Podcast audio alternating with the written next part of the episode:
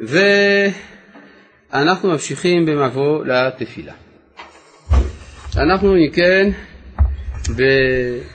בביאור הברכות של תפילת שמונה עשרה ואנחנו באמצע ברכת מודים. אה,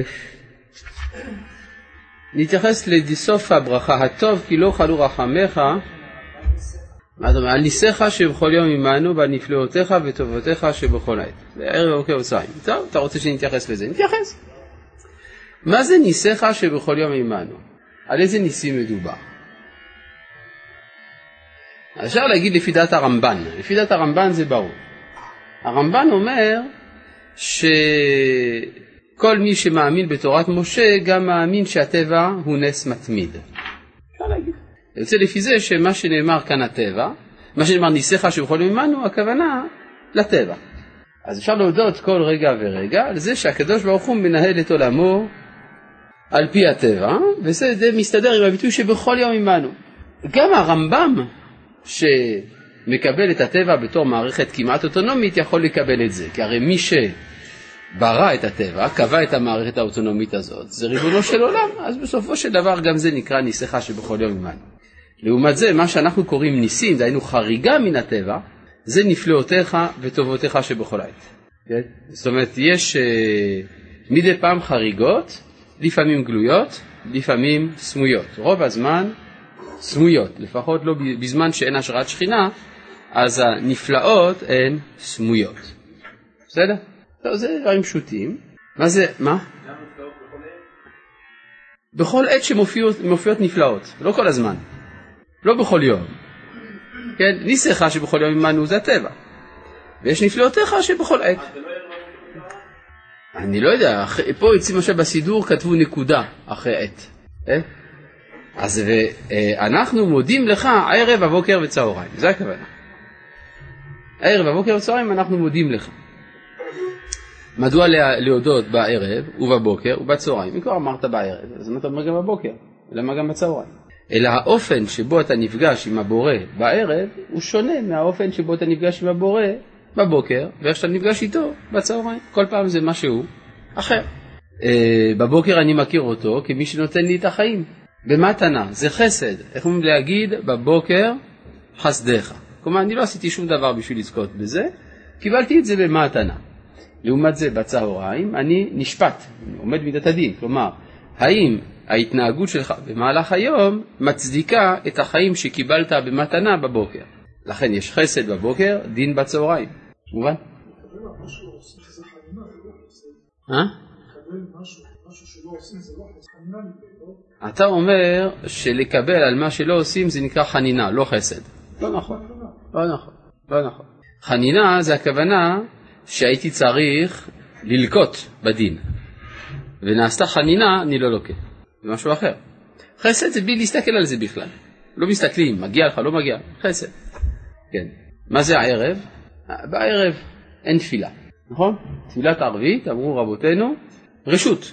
למה היא רשות? בגלל שהאדם לא קיים בלילה. הרי האדם זה, האמיתי זה האדם החברתי. בלילה אני לא רואה את החבר שלי, אז אני חי ביני לבין עצמי, אז אין לי קיום כל כך. לכן התפילה של ערבית היא רשות, ככה אה, פסקו רבותינו. הערב, הבוקר וצהריים. למרות שלהלכה אנחנו כן מתפללים ערבית, משום שישראל קיבלוה כרשות, אה, כחובה, קיבלוה כחובה. טוב, אחרי שעסקנו במילים שכל כך רצית שנעסוק בהם, בואו נמשיך. הטוב כי לא חלו רחמך, המרחם כי לא תמו חסדיך, כי מעולם או ומעולם קיווינו לך. מה זה הטוב כי לא חלו רחמך, המרחם כי אותמו חסדיך. ביטוי כזה קצת משונה. הטוב נובע מן הרחמים, והרחמים נובעים מן החסד. הבה נבאר את העניין.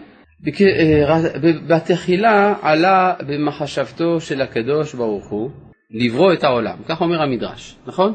בתחילה עלה במחשבתו של הקדוש ברוך הוא לברוא את העולם. המחשבה הזאת, לברוא את העולם, איזו מידה זאת? זה חסד, זה חסד. לברוא את העולם, זה חסד. במיוחד מתוך האמונה היהודית שהמעשה הזה הוא לא מעשה הכרחי אלא מעשה רצוני, כלומר אין פה שום כפייה על האלוהות להוציא אל הפועל את העולם, יוצא לפי זה שזה המעשה המוסרי בתכלית, זה החסד המוחלט. בתחילה עליו במחשבתו שתלכו לברוא את העולם, זה חסד מוחלט. אבל כשהוא רצה לברוא את העולם, הוא רצה מרוב חסדו שזה יהיה במידת הדין.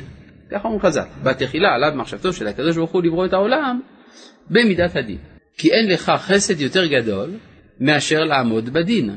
כי אם אני מצליח לעמוד בדין, זכיתי בקיום שלי, מכוח עצמי. אז אין לך חסד גדול מאשר זה שיש מידת הדין בעולם, כדי שהנבראים יזכו בקיומם. בתחילה עליו מחשבתו שהקדוש ברוך הוא לברוא את העולם, זה חסד. ואיך החסד הזה בא לידי ביטוי? בדין, דין מידת הגבורה נקרא אצל המקובלים. אז זה נאמר כי גבר עלינו חסדו, שהחסד הופיע בצורה של גבורה. לא רק, לא מלובש בדין, זה חסד שהופעתו המושלמת ביותר היא הדין. כלומר באופן אבסולוטי הדין זה החסד המוחלט. מובן? לכן, מה? חסד זה למוסר? ברוך אתה אדוני. אלוהינו מלך העולם שהכל נהיה ברוך. הוא ענה ברוך הוא ברוך שמו, לא יכולתי להשאיר את שמו של הקדוש ברוך הוא בלי ברוך הוא ברוך שמו. טוב, אה, ובכן, אז איפה היינו? אתה אומר שהחסד זה חסד שווה מוסר, כן, בדיוק. כלומר, החסד זה היסוד של המוסר. כל המידות המוסריות הן השתלשלות של מידת החסד, כולל מידת הדין. בסדר? אז אם כן, רצה הקדוש ברוך הוא לברוא את העולם, מידת החסד, והוא רצה שזה יהיה במידת הדין. המשך המדרש, ראה שאין העולם מתקיים. מה זאת אומרת אין העולם מתקיים? העולם לא עומד בדין. מדוע הוא איננו עומד בדין? כי ההפרש בין התביעה של הדין המוחלט לבין הנברא הוא הפרש מוחלט גם כן. זאת אומרת, האינסוף הוא הכל, הנברא הוא סוף. איך סוף יכול להתקיים מול אינסוף? הוא נמעך, נבלע. לכן אי אפשר לנברא לעמוד בדין. אז מה יהיה? אף פעם הוא לא יעמוד בדין. ניתן לו זמן. כלומר, יש אחד הדברים שהפילוסופיה לא הצליחה להסביר, והיא מפני מה הזמן. כלומר, זה שיש דיונים פילוסופיים מכאן ועד הודעה חדשה, מהו הזמן, מאז היוונים ועד היום דנים בשאלה הזאת. מה ההגדרה של הזמן? נכתבו ספרים שמנים ודקים מכל הסוגים כדי להגדיר מהו הזמן. אבל מה שלא הצליחו לעסוק בו כלל זה מפני מה הזמן. אגב, אם כבר נצטרף לזה עוד שאלה אחרת, מפני מה המקום? כלומר, מדוע הקיום של האדם הוא בזמן? כלומר, יש הרגע הזה שונה מן הרגע הקודם ומן הרגע שיהיה. כלומר, יש איזה פיצול של הקיום בין זמנים שונים, בין עיתים שונים. הדבר הזה הוא אפילו, הייתי אומר, מזעזע, כי זה אומר שאני אף פעם לא אצליח לחוות את כל הזמנים כאחד. יש תסכול. אז אם כן, מדוע הזמן קיים? אותה שאלה נשאלת, מפני מה המקום קיים? הרי המרחקים הם כאלה, שאם אני פה, אני לא שם. אפילו אם אני אסע מהר, מאוד, אבל עדיין, כשאני פה, אני לא שם. הכיצד? מובנת השאלה? זה מה שמבדיל ביני לבין הקדוש ברוך הוא. למה? הקדוש ברוך הוא אין לו לא מקום ולא זמן. אז מי שאין לו לא מקום ולא זמן הוא הקדוש ברוך הוא? אבל יש לי עדיין נפש. אני יכולתי להיות בעל נפש, בעל הכרה, בלי מקום ובלי זמן. מה רע בזה? אבל, מה? השאלה בעצם צריכה להיות שאלה אחת, זמן מקום. אתה אומר, יש לך שאלה שלישית, זמן מקום. למה אתה אומר שזה צריך להיות שאלה אחת? כי אם אנחנו. יכול להיות שאם פתרנו את שאלת הזמן, פתרנו את השאלה של המקום. אהה. דבריך הם קושיית הגמרא במסכת חגיגה. הגמרא שואלת, הרי האומר מה למעלה, מה למטה, מה לפנים, מה לאחור. ראוי לו שלא בא לעולם. זאת אומרת, מה זה מה למעלה, מה למטה? מה מחוץ לרקיע. כן, הרי הרקיע מקיף את כל העולם, אז מי ששואל מה למעלה ומה למטה, הוא רוצה לדעת מה יש מחוץ לרקיע. מה לפנים, מה לאחור, כלומר לפני הזמן ואחרי הזמן. אז אומרים לו, ראוי לו שלא בא לעולם. למה? כי מה שמעניין אותך זה רק מה שמחוץ לעולם, אז מה אתה עושה בעולם? ראוי לך לא לבוא לעולם, היה יותר טוב שם, כן? זה הכוונה. אבל אז הגמרא שואלת, רגע, למעלה ולמטה זה מחוץ לגבולות המקום. לפנים ולאחור, מחוץ לגבולות הזמן. עכשיו הגמרא שואלת מאיפה יודעים שאין לשאול את השאלות האלה? שנאמר שאל נא לימים ראשונים אשר היו לפניך. זאת אומרת, אתה יכול לשאול מהימים הראשונים אבל לא לפני, ולמקצה השמיים ועד קצה השמיים ולא מעבר לזה. שואלת הגמרא, אם אמרת מה לפנים, מה, אם אמרת מקצה השמיים וקצה השמיים, אז בשביל מה צריך גם לימים ראשונים? אומר רש"י, כי ברגע שאמר שאסור לשאול מחוץ למחיצות, אז מה הוא צריך לשאול למה שלפני ואחרי? כי היא היא, כך אומר רש"י. כי, מה פירוש הדבר? כי הזמן זה המקום. כן? כאילו שרש"י קרא את תיאוריית, תיאוריית היחסות, שהזמן הוא פונקציה של המקום. זה מעניין. אז שאלתך היא שאלת הגמרא, נכון? אבל הגמרא עונה שם, כן? אני לא זוכר מה היא עונה. אבל זאת אומרת שבכל זאת יש לנו פה שתי שאלות. כי אפילו אם נאמר שהזמן הוא בעצמו המקום, כפי שאתה מעיר בצדק, אבל חווייתית אני חווה את הזמן באופן שונה מאיך שאני חווה את המקום. ולכן, גם אם תענה לי מפני מה הזמן, עדיין תישאל אצלי השאלה מפני מה המקום. כן, בבקשה. אתה אומר עת לכל זמן, אז לכן אתה אומר שלכל עת יש הייחודיות שלו. יש רק בעיה אחת, שזו דרשה מאוד יפה על פסוק שהמצאת. הפסוק הזה לא קיים, אז אני לא יכול להתייחס. בתנ"ך שלי לפחות הוא לא כתוב, אין פסוק כזה עת לכל זמן. מה אני אעשה? עכשיו, אה, מה? בתנ"ך שלי כתוב אה, ותוסף אסתר ותעמוד לפני המלך. אה, אתה אומר שיש פסוק דומה, אתה רוצה פסוק דומה, אה, בספר קהלת, לכל זמן ועת לכל חפץ תחת השמיים. אה, בסדר. אתה צריך להבין שאני קשה. אתה צריך להבין שאני קשה. לא, כשמביאים פסוק לא נכון, אז אני, אה, זה עושה לי ככה. כן, בסדר, מה? טוב, בסדר, נו. זה אומר שלכל זמן יש ייחודיות משלו, זה נכון. אתה צודק, כלומר, יש, אתה צודק, יש משמעות לכל רגע, כן?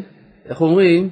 מעוות לא יוכל לתקון וחסרון לא יוכל להימנות, כי מה שהיה זה מה שהיה, עכשיו זה עולם אחר, כן?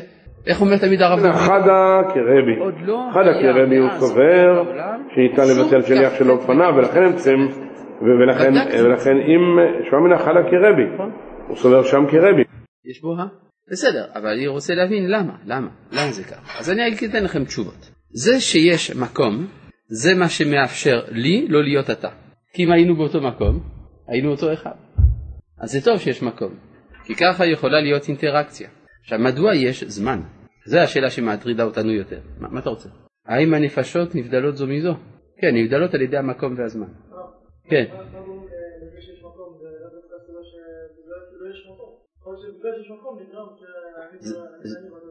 אתה צודק, בגלל שיש מקום, אני זה אני ואתה זה אתה, נכון. כן, כלומר, כשהיהדות שואלת מפני מה X, התשובה תמיד תהיה בתחום המוסרי. כלומר, הנחת היסוד זה שהמוסר הוא סיבת המציאות ולא המציאות סיבת המוסר. זה, זה חידוש עצום, היוונים לא מסכימים עם זה. כן, היוונים סבורים שהמוסר זה איזושהי תופעה מקרית שהאדם המציא בתוך הקוסמוס מלא החוקים. כלומר, המציאות היא חוקית, היא אכזרית.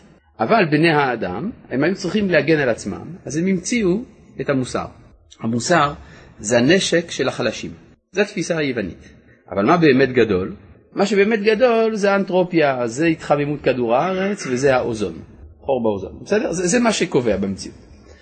אנחנו, תלמידי משה, אומרים כך, בראשית ברא אלוהים.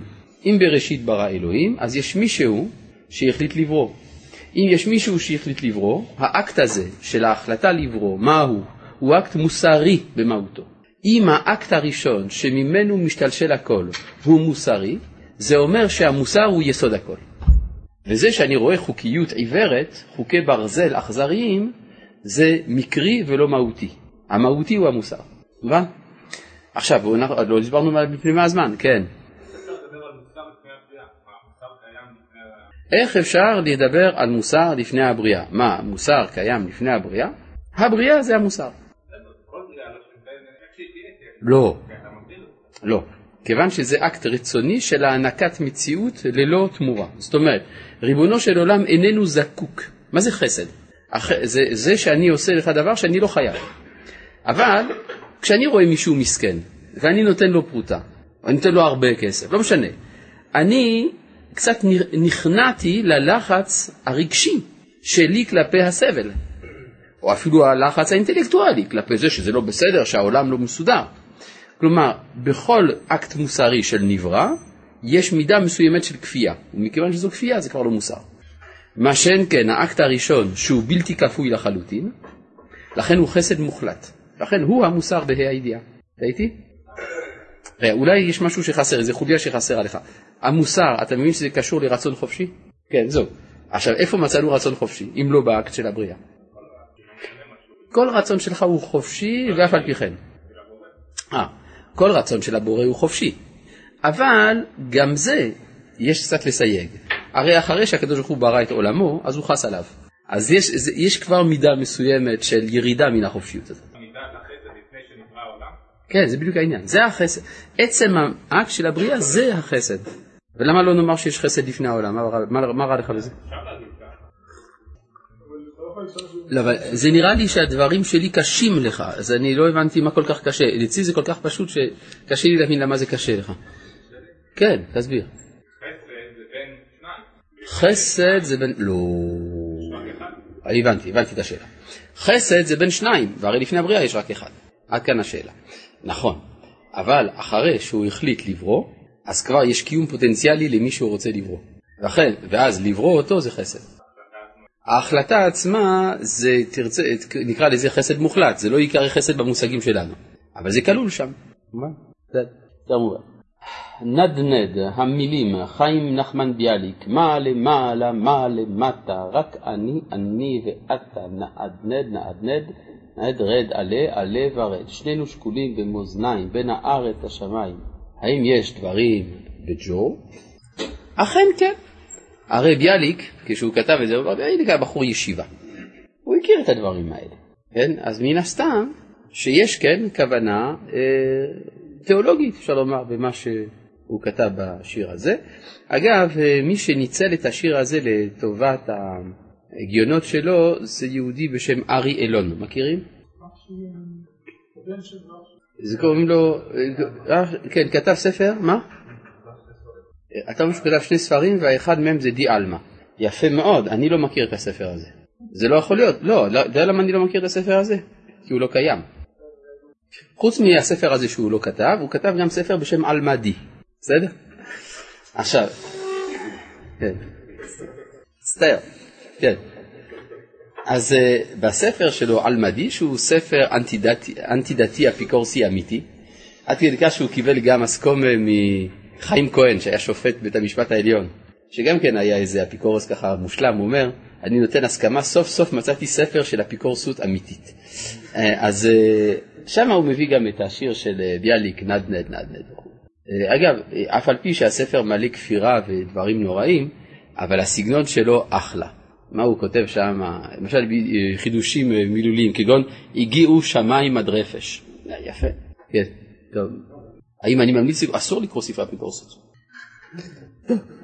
אה, אז הרי, אז לא, עוד לא הסברנו מפני מה הזמן, אני קצת הפלגתי למחוזות אחרים.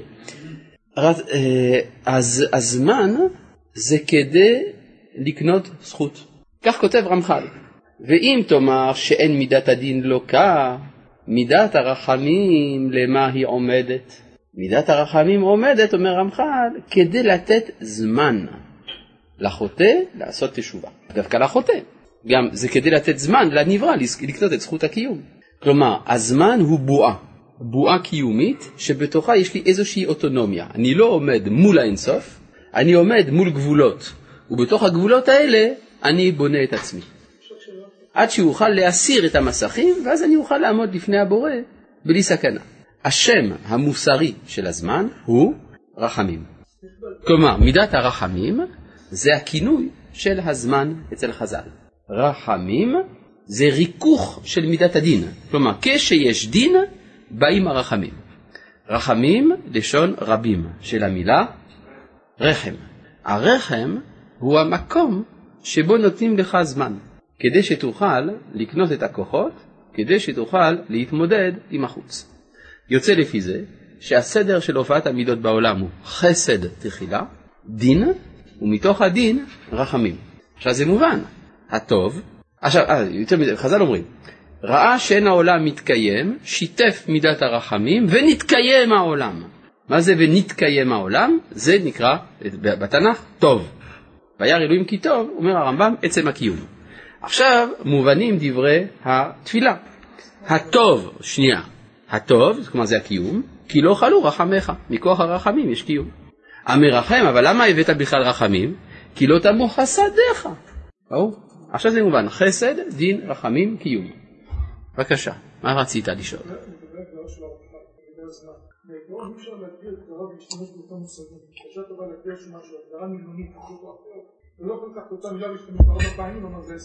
אי אפשר לקחת מילה ולתת לה ארבע פירושים, נכון. לא, לקחתי את אותה מילה, מה זה עין? עין זה עין שיש אצל האדם, אתה לא יכול להסביר את זה. עין זה בראייה, כן. אה, אתה אומר, אה, זה טאוטולוגיה, נכון?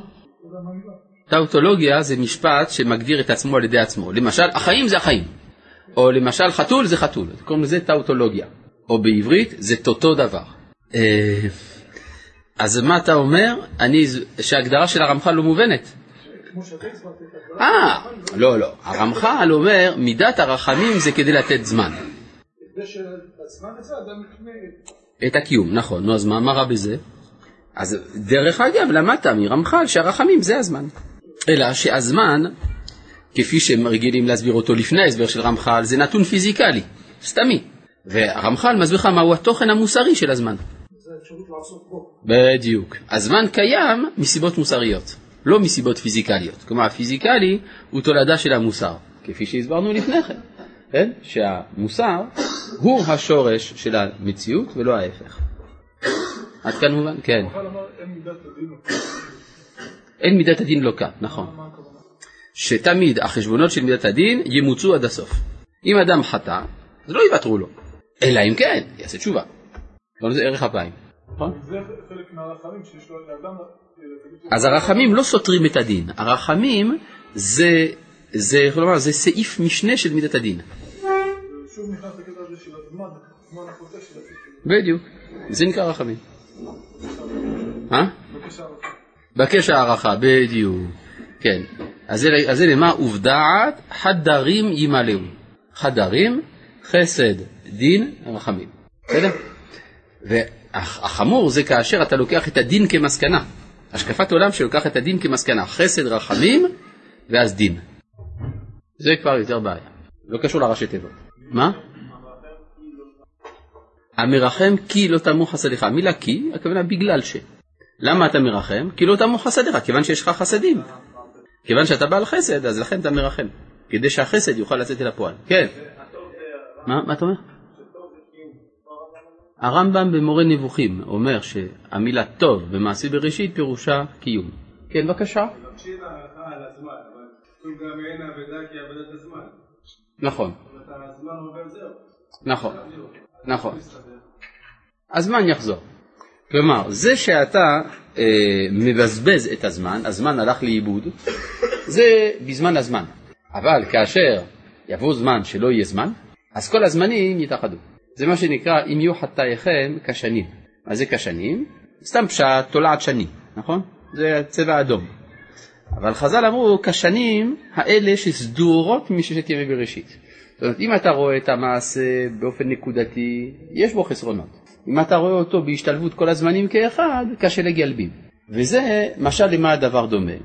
לסרטים של פעם. אתה יודע שפעם הסרטים זה לא היה ב-DVD, הסרטים זה היה בסרט צלולו, צלולואיד, לכן קראו לזה סרט, כן? כי זה באמת היה פס כזה של פלסטיק, מה? פילים כזה, עשוי מצלולואיד, כן? שהיו מגלגלים אותו. ועכשיו אם היית מסתכל מקרוב היית רואה תמונה ועוד תמונה ועוד תמונה ועוד תמונה. קוראים לזה עיתים. אתה רואה חתיכות של הווה, עוד הווה ועוד הווה ועוד הווה, מעבירים את זה מספיק מהר כדי שתיווצר אצלך תחושה של תנועה. אבל מצד האמת זה הווה ועוד הווה ועוד הווה. ולפעמים אתה יכול להסתכל במעבדה, אתה פותח את כל הסרט, מסתכל מספיק מרחוק ועם עיניים מספיק חודרות, ואתה רואה את כל העיתים בבת אחת, בסדר? אפשר לראות את זה גם בספרי קומיקס. כן, בבקשה. נכון. טוב, אתה אומר הרבה דברים, אתה שאלת שתי שאלות. שאלה ראשונה, אתה אומר, מדוע לא לומר שהזמן זה נספח אל התנועה, כפי שכותב הרמב"ם במורה, נכון? והתנועה נספחת אל החומר, יוצא שאם אין חומר אין תנועה, וממילא אין זמן. עד כאן שאלתך. כן, זאת הגדרה פיזיקלית, אבל זה לא פותר לנו את השאלה המוסרית. נכון שכך העולם הוא. אני שואל שאלה אחרת, למה הוא? זה לגבי השאלה הראשונה שלך. לגבי השאלה השנייה, האם אפשר לומר שהמקום זה הופעת הקדוש ברוך הוא בזמן? כן, אבל זאת הסברה מטאפיזית, זה, לא הסבר, זה כבר ודאי לא הסברה לא פיזית ולא מוסרית, זה מטאפיזית. כלומר, תלוי השאלה באיזה, מדר... באיזה, איז... באיזה מישור של הסברה אתה נמצא. האם אתה בא לענות על השאלה של הפיזיקאי, או על השאלה של איש המוסר, או של התיאולוג? זו השאלה. כן. בוקר טוב הרב, האם העולם מתנהג רק לפי חוקיות יבשה ולא מוסרית? או שזה אנו שלא רואים, או שזה אנו שלא רואים את המוסריות בעולם, וזה, ואם תשובה היא א', איך זה יכול להיות שהשם ברא עולם שלא מתנהג לפי מוסריות? תודה. יושבים על ספסל אחד בשדרות המאירי, יהודי ויווני, והם אה, מסתכלים על מה שקורה, רואים צדיק עובר על המדרכה, מחליק על קליפת בננה ושובר את הרגל. היהודי אומר, אוי ואבוי שערוריה, איך זה יכול להיות? הרי הוא צדיק, אז למה הוא שבר את הרגל? אומר היווני, אתה בכלל לא מבין שום דבר, יש פשוט חוק פיזיקלי שכל המחליק על קליפת בננה בזווית נתונה שובר את רגלו. והוא כותב את זה אפילו בתור חוק בפנקס שלו, מבסוט, גילה חוק חדש, ברור? זאת אומרת, האינטואיציה היהודית היא שזה לא בסדר שהעולם לא מוסרי, והאינטואיציה היוונית היא שזה בסדר גמור, כי ככה הוא העולם. עד כאן דבריך. אז אתה הוכחת שאתה בזה יהודי. עכשיו, הנחת היסוד היהודית היא, אם כן, שיש נוסחה מוסרית כוללת לכל המציאות, ובכלל הנוסחה המוסרית הכוללת הזאת, זה שהעולם הפיזיקלי לא יפעל לפי המוסר. כלומר, יש תכלית מוסרית לאי מוסריותו של החוק הפיזיקלי. מה אפשר לומר על התכלית המוסרית של האי מוסריות של החוק הפיזיקלי? אומר הרב קוק באורות, ישראל ותחייתו, פרק ב', שעצם ההבחנה הזאת היא חידה נעלמה. אבל אף על פי שזו חידה נעלמה, אפשר להגיד על זה קצת משהו. והוא שזה חשוב שאנחנו נהיה בעולם סתמי, כדי ליצור אוטונומיה של, uh, כלפי הבורא. אם היינו רואים אוטומטית את ההשלכה המוסרית של כל מה שנעשה במציאות, לא יכולנו לתפקד, לפחות לא באופן אוטונומי. עכשיו שהקדוש ברוך הוא ברא עולם שבאופן גלוי על כל פנים איננו פועל לפי המוסר, זה נותן לנו את האפשרות להתהלך בעולם מתוך הרגשה שאפילו אין אלוהים. שזה דבר שמאפשר את העבודה שלנו. זה גם מאפשר את הבחירה החופשית ועוד כמה דברים כאלה, את המימוש של הבחירה החופשית ועוד כמה דברים כאלה. כן, בבקשה. מה בקשר בין? כן? לא אומרים את המילה הזאת. לא אומרים את המילה הזאת. יפה, כן, כן, כן. אתה שואל האם יש קשר, אתה שואל האם יש קשר בין שם הוויה, י"ק ו"ק, לבין ההוויה כישות קוסמית. שאלה יפה מאוד ואני מת לענות עליה, אבל אני לא אענה עליה. למה? כי לא שייכת לשיעור. כן, בבקשה. מבקש מחילה. מה? אה? אני דווקא, לא, אין לי שום דבר איתו, אני בסדר איתו, נכון? אנחנו בסדר? אה, זהו, אתה רואה? לא, אבל פשוט, מה יכולתי לעשות? השאלה לא שייכת לשיעור, אז אני לא עונה. כן, מה אתה אומר? פשוט כי זה חבל על הזמן, אנחנו נבזבז זמן, נתחיל לדבר על כל מיני שאלות שהן לא שייכות לשיעור, אתה יודע כמה זמן יעבור? אז לכן אני מוכרח לכפות על עצמי, כן, איזה נג, נגד הטבע שלי, שהוא כל כך רוצה להתייחס לשאלה, אני חייב לכפות על עצמי עצירה, כדי לא לבזבז את הזמן, בשביל הדקות היקרות האלה שאנחנו צריכים בהן להתקדם בלימוד נושא התפילה. אתה מבין אותי, יוסף חיים? אה, אתה איתי, אתה רואה, הוא אפילו איתי. אז לכן כל מה שאתה אמרת, שאני קצת קשה איתו, כל זה לא נכון. אתה רואה? אז עכשיו בוא, חבל על הזמן, בוא נתקדם, כי באמת חבל. כן, בבקשה. זהו לך. מה? כן.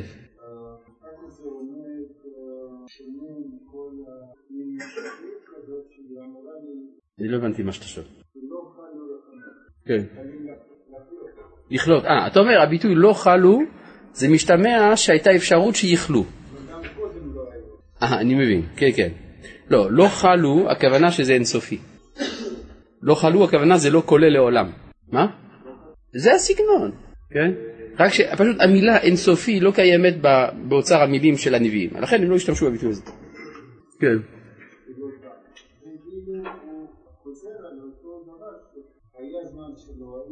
ההפך.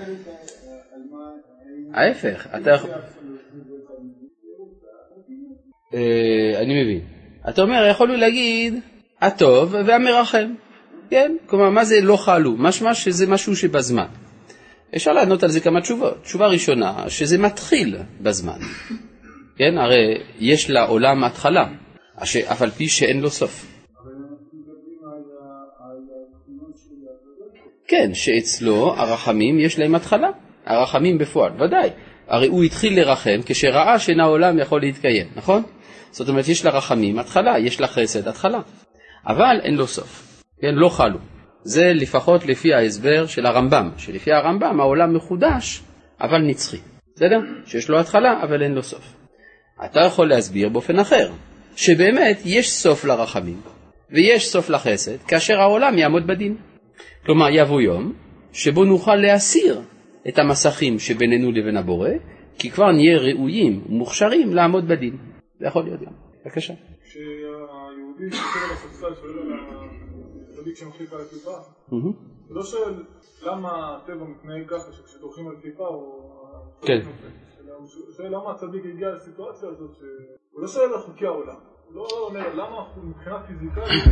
לא, לא, לא, לא, לא, אתה כבר, סליחה, אתה אומר ככה, כשהיהודי שיושב על הספסל מתלונן על גורלו של הצדיק, זה לא שהוא מתלונן על חוקי הטבע, אלא הוא שואל את עצמו איך הצדיק הגיע לזה.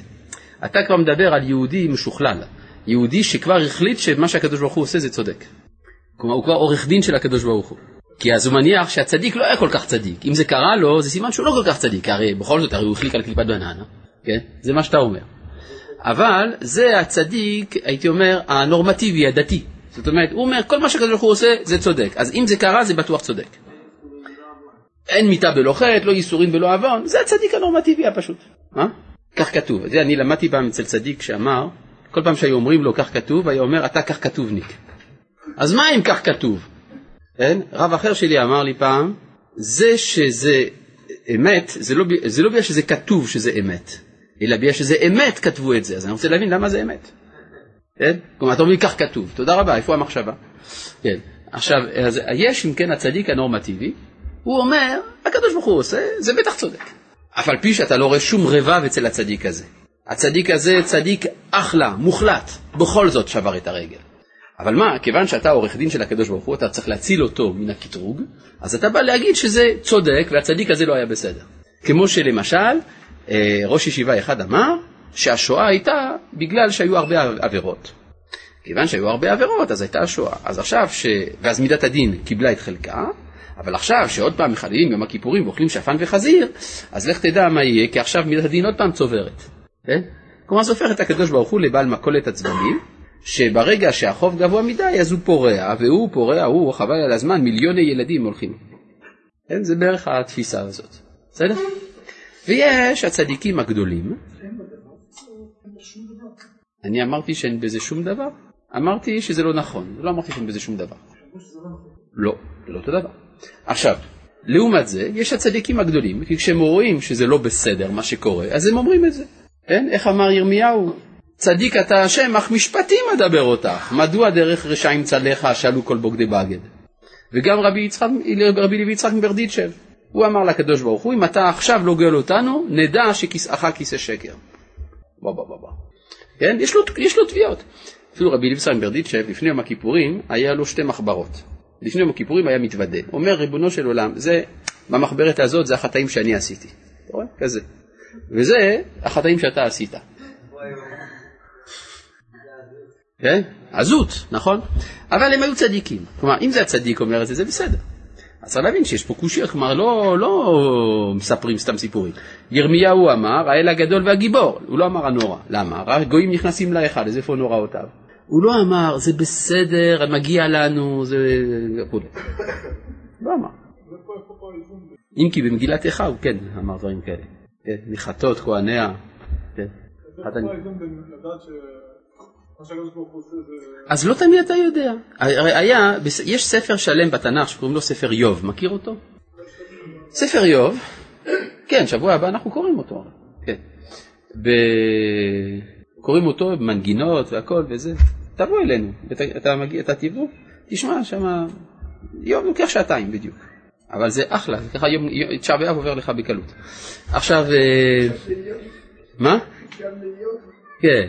בקיצור, ספר איוב, אל תדאג, מתחילים בערך ב-12 וחצי אחד, כשגומרים תפילת שחרית, אז מתחילים, יש שעתיים קוראים איוב, אחרי זה אתה יכול לנוח, עד שעה שש יש תפילת מנחה ושיעור. טוב, אה, אז איפה היינו? אה, כן, ספר איוב. יש בן אדם, הוא צדיק, תם וישר, ירא אלוהים ושר מרע.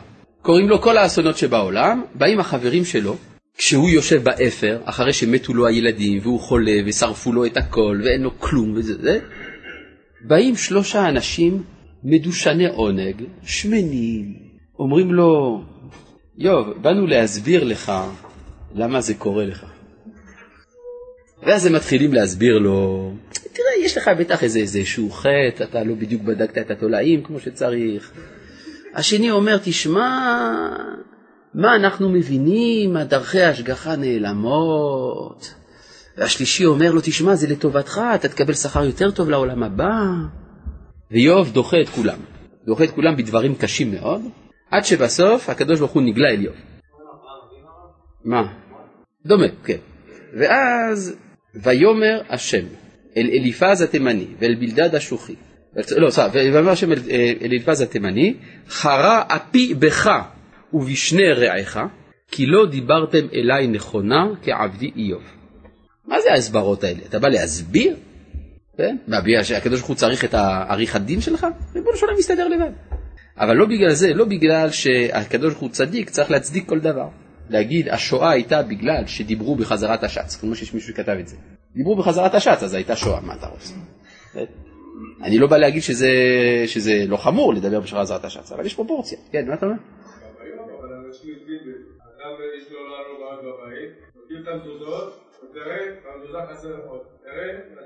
אתה אומר שגם היום אנשים בודקים במזוזות.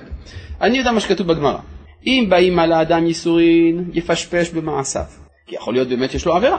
אבל הגמרא לא, לא גומרת עם זה. היא אומרת לא מצא, יתלה בביטול תורה. אבל הגמרא לא מסתפקת בזה, אומרת, ואם לא מצא? זאת אומרת, אלה ייסורים של אהבה, נכון? ייסורים של אהבה. אם כן, יש מחלוקת בחז"ל, האם יש מיתה בלא חטא וייסורים בלא עוון או לא.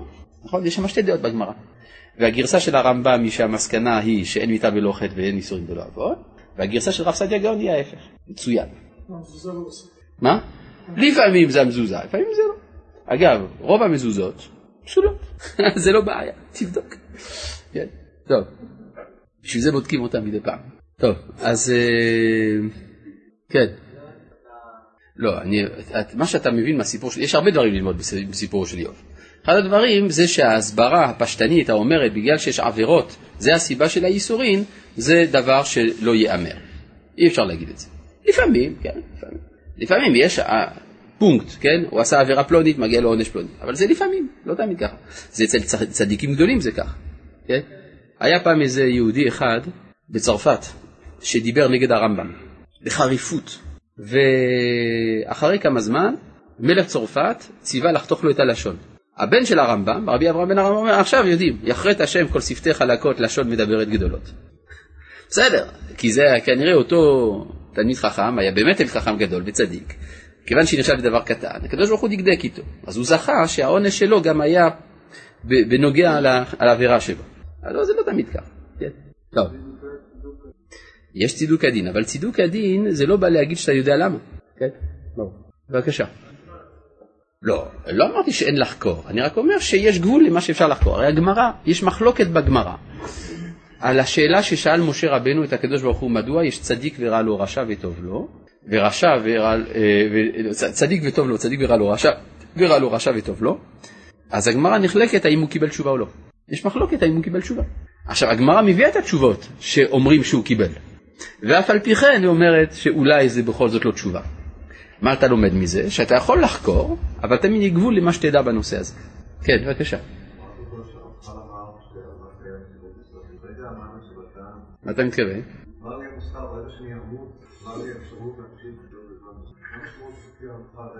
אה, ברגע שאדם מת, כן, כן, לא, לא, אתה צודק, ברגע שאדם מת, אז הוא גמר עם העבודה המוסרית שלו, נגמר. יש לו זמן, בתוך הזמן הזה הוא פועל. שם זה סוג אחר של, של חוויה, זה חוויית קיבול השכר, כן? זה משהו אחר. זה, זה נגיד, לא, זה הייתי אומר, זה עבודה מוסרית אחרת. זה עבודה מוסרית אחרת, זה לא עבודה של קניית זכות הקיום. אלא אם כן, יש גלגולים ועוד כל מיני דברים כאלה, בסדר. כן, אה, כי מעולם קיווינו לך, ועל כולם, מה זה על כולם? על כל הדברים שאמרנו, חיינו, צורנו, אה, נשימותינו, כל הדברים האלה, על כולם יתברך ויתרומם ויתנשא תמיד שמך מלכנו לעולם ועד וכל החיים יודוך סלע, מה זה סלע? לנצח ויהללו, מה? שמך, שמך זה זכר, לא? יתברך, שמך. כן, יתברך ויתרומם ויתנשא תמיד, שמך. אז שמך זה זכר או נקבה? זכר, לכן יתברך. ויהללו ויברכו את שמך הגדול באמת, לעולם, כי טוב. האל, ישועתנו, זתנו סלע, בואו אני קורא בנוסח שלפניי, כן, יש כמה נוסחאות אחרים. זתנו סלע האל הטוב, אז מה זה כל הדברים האלה? זה דברים טובים, לא? ומה עם הדברים הרעים? אז צריך להודות או לא להודות? חז"ל אמרו, חייב אדם להודות על הטובה, ועל הרע כמו על הטובה, נכון? כי אם אתה מודה רק על הטובה, אז אתה מניח שיש עוד אל רע בעולם, נכון? הרי האומר, על טוב ייזכר שמך, שמך, נכון? על טוב ייזכר שמך, משתקין אותו. למה משתקין אותו? כי משתמע שהקדוש, ששמו של הקדוש ברוך הוא ייזכר על הטובה ולא על הרע. אז איפה פה בתוך הרשימה הזאת הרע? כתוב מפורש, ברוך אתה השם, הטוב שמך, זה על הטוב, ולך נאה להודות על הרע. למה זה לא מוסרי? אם אתה אומר שהרע הוא מאת השם, סימן שיש לו מטרה מוסרית. יש כל מיני מטרות, אפשר להרחיב בזה, כן? יש ספר שלם של רמח"ל רק על זה, נקרא דעת תבונות, להבין את מהות הרע, בשביל מה הרע. יש כמה סוגים של רע וכולי. מה? אה? מאור לחושך, ומחושך לאור. כן, זה אחת ההסברות האפשריות. אז זאת אומרת שעל כל פנים אנחנו יודעים שיש משמעות לרע, ולכן אנחנו מודים גם עליו, נכון? רק שבעולם הזה אנחנו לא מסוגלים לברך אותה ברכה, לכן על הטוב אומרים הטוב והמיטיב, ועל הרע אומרים דיין האמת, אבל לעתיד לבוא, על שניהם יגידו הטוב והמיטיב. אגב, מברכים על הטובה מעין הרע, ועל הרע מן הטובה. מה זה על הטובה מן הרע? זה הטוב, זה הטובה, והמיטיב זה מן הרע. למה? כי אם אתה אומר טוב והמיטיב, סימן שיש מדרגות בטוב, אם כן זה לא טוב מוחלט. על הרעה מן הטובה, זאת אומרת דיין, אבל זה האמת. כיוון שזאת האמת, יש בזה טובה.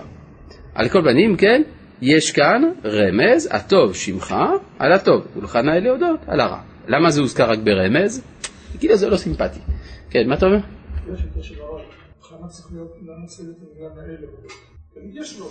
אם זה רע, אם להודות זה על הרע, אז למה זה נאה? נאה פירושו ראוי. ראוי, נאה זה ראוי.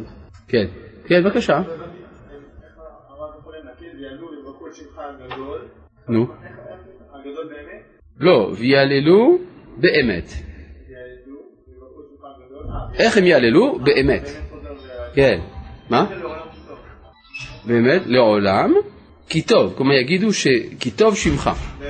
יעללו לעולם גם. מה? לעולם. לעולם, כן. לעולם, כוונה לנצח. נכון, אבל למה כי טוב? כי טוב, הכוונה, כי זה נצחי, אה, לא, סליחה, כי שמך הוא טוב. כן. הטוב שמך ולך נדות, על הטובה ועל הרעה, ולכן שמו של הקדוש ברוך הוא מתברך. אז מה נשאר לנו? ברכה אחת, אבל נגמר השיעור. שלום.